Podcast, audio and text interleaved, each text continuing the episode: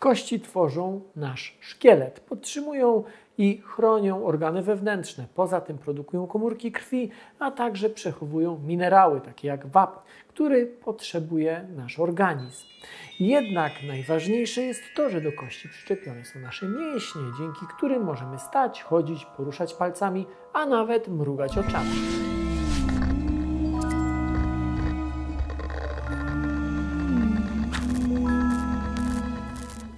Przez ostatni czas, przez ostatnich kilka miesięcy, raz w miesiącu wrzucałem kolejny film z cyklu Jak działa człowiek. Cykl realizuję razem z Łódzkim Uniwersytetem Medycznym. Mówiłem już w ramach tego cyklu o sercu, o mózgu, o układach nerwowym, pokarmowym i wydalniczym. Jeśli te tematy Was interesują, możecie je znaleźć na kanale Nauka to Lubię i w opisie do tego filmu. Dorosły człowiek ma 206 kości i około 100 łączących je stawów. U dzieci kości jest znacznie więcej, bo aż 350. Są one połączone chrząstkami, co ułatwia wzrost organizmu i sprawia, że szkielet jest bardziej elastyczny.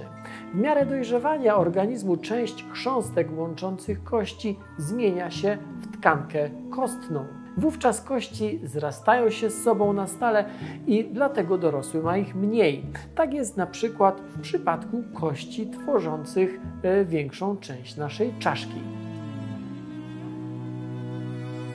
Wnętrze wielu kości wypełnia szpik kostny. W nim powstaje większość krwinek, czyli komórek krwi, a także komórki służące do tworzenia, modelowania i regenerowania tkanki kostnej.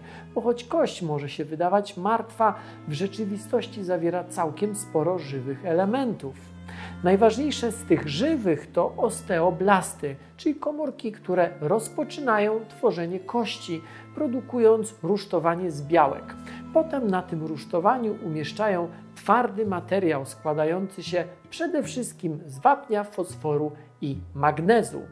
Dlatego właśnie tak ważne jest, by w naszej diecie nie zabrakło produktów mlecznych, a także ryb takich jak szprotki sardynki, orzechów i warzyw, zwłaszcza takich jak kukurydza i szpinak, e, natka pietruszki czy soja. Wszystkie te pokarmy są źródłami wapnia. Jeśli mamy go za mało, kości robią się słabe. Ważne jest w tym procesie także, by mieć odpowiedni poziom witaminy D. Jej niedobór sprawia, że kości robią się cieńsze, zdeformowane i podatne na złamania. A dlaczego kości się łamią? Są przecież twarde i wytrzymałe. Każda z nich dostosowana jest do pełnienia konkretnej funkcji i znoszenia obciążeń związanych z normalnym funkcjonowaniem. Jeśli zadziałamy na kość z dużą siłą, a co gorsza, ta siła będzie wymierzona w słaby punkt, tkanka nie wytrzyma i pęknie. Tak dzieje się na przykład z długimi kośćmi ręki czy nogi przy silnym uderzeniu w bok. Na takie obciążenie nie są przygotowane kości wtedy zaczynają się kłopoty. Kości dzieci zawierają mniej wapnia, są bardziej elastyczne i nie pękają tak łatwo. Szybciej też się goją. Złamanie w obrębie nadgarstka zrasta się u dziecka w ciągu 3 tygodni. U osoby w podeszłym wieku trwa to dwukrotnie dłużej. Na urazy i choroby podatne są także nasze stawy. To biologiczne zawiasy łączące z sobą kości. Nasadę kości, miejsce, w którym jedna kość styka się z drugą, pokrywa chrząstka stawowa. Zmniejsza natarcie i osłabia wstrząsy. Z wiekiem i wskutek nadmiernego obciążenia chrząstka może jednak ulec uszkodzeniu. Wnętrze stawu z kolei wypełnia maść stawowa, pełniąca funkcję smaru. Całość otacza mocna torebka z tkanki łącznej. Nasz szkielet jest zbudowany w dość dziwny sposób. W odróżnieniu od większości zwierząt i od naszych przodków, którzy poruszali się na czterech kończynach, my chodzimy na dwóch nogach i z wyprostowanym kręgosłupem. Ta zmiana pojawiła się niedawno z punktu widzenia ewolucji, bo zaledwie kilka milionów lat temu. Dlatego cała konstrukcja jest wciąż nieco niedopasowana. Najlepiej widać to zresztą na przykładzie kręgosłupa. U czworonożnych zwierząt jest on wygięty w łuk ku górze i równomiernie obciążony przez ciało. U nas z racji pozycji wyprostowanej na kręgosłupie pojawiły się dodatkowe wygięcia. Lordozy i kifozy. To sprawia, że cała konstrukcja jest mało stabilna i łatwo powstają w niej nieprawidłowości. Tym bardziej, że na jej szczycie znajduje się duża głowa, która musi pomieścić nasz rozbudowany mózg. Dlatego właśnie nasz kręgosłup jest obudowany silnymi mięśniami, które go stabilizują. Ważną rolę odgrywa tu także największy w naszym ciele mięsień pośladkowy.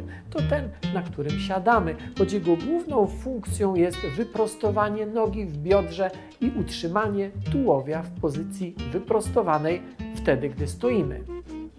Najwięcej problemów pojawia się w dolnym odcinku kręgosłupa, na którym skupia się nacisk związany z ciężarem górnej połowy naszego ciała.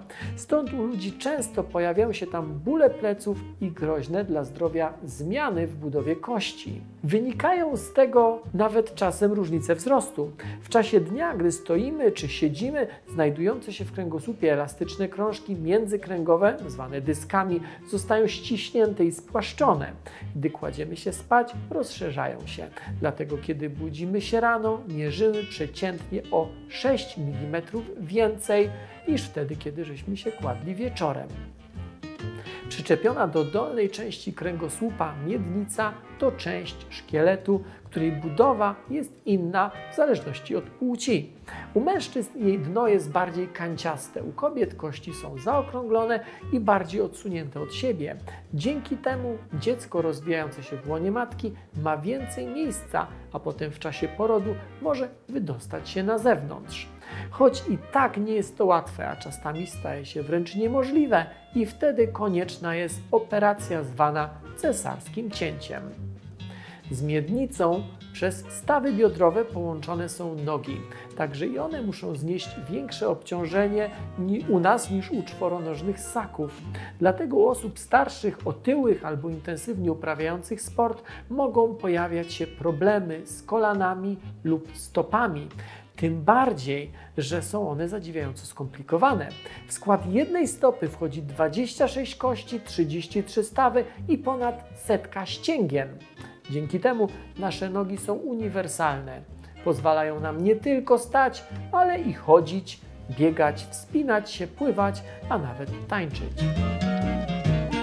Samochodzenie też jest procesem bardzo złożonym. Naukowcy porównują je do kontrolowanego upadku. Musimy przechylić tułów do przodu, ale zanim przewrócimy się na twarz, musimy zdążyć wysunąć do przodu jedną nogę. Potem cały proces się powtarza i wtedy wysuwamy nogę drugą. Do tego dochodzą jeszcze boczne ruchy bioder stabilizujące naszą pozycję. Nic dziwnego, że dzieci opanowują chodzenie, w kilkanaście miesięcy konstruktorzy robotów długo mieli problemy z zaprojektowaniem maszyn, które umiałyby się poruszać tak jak ludzie. Nauka co lubię na Facebooku i YouTube.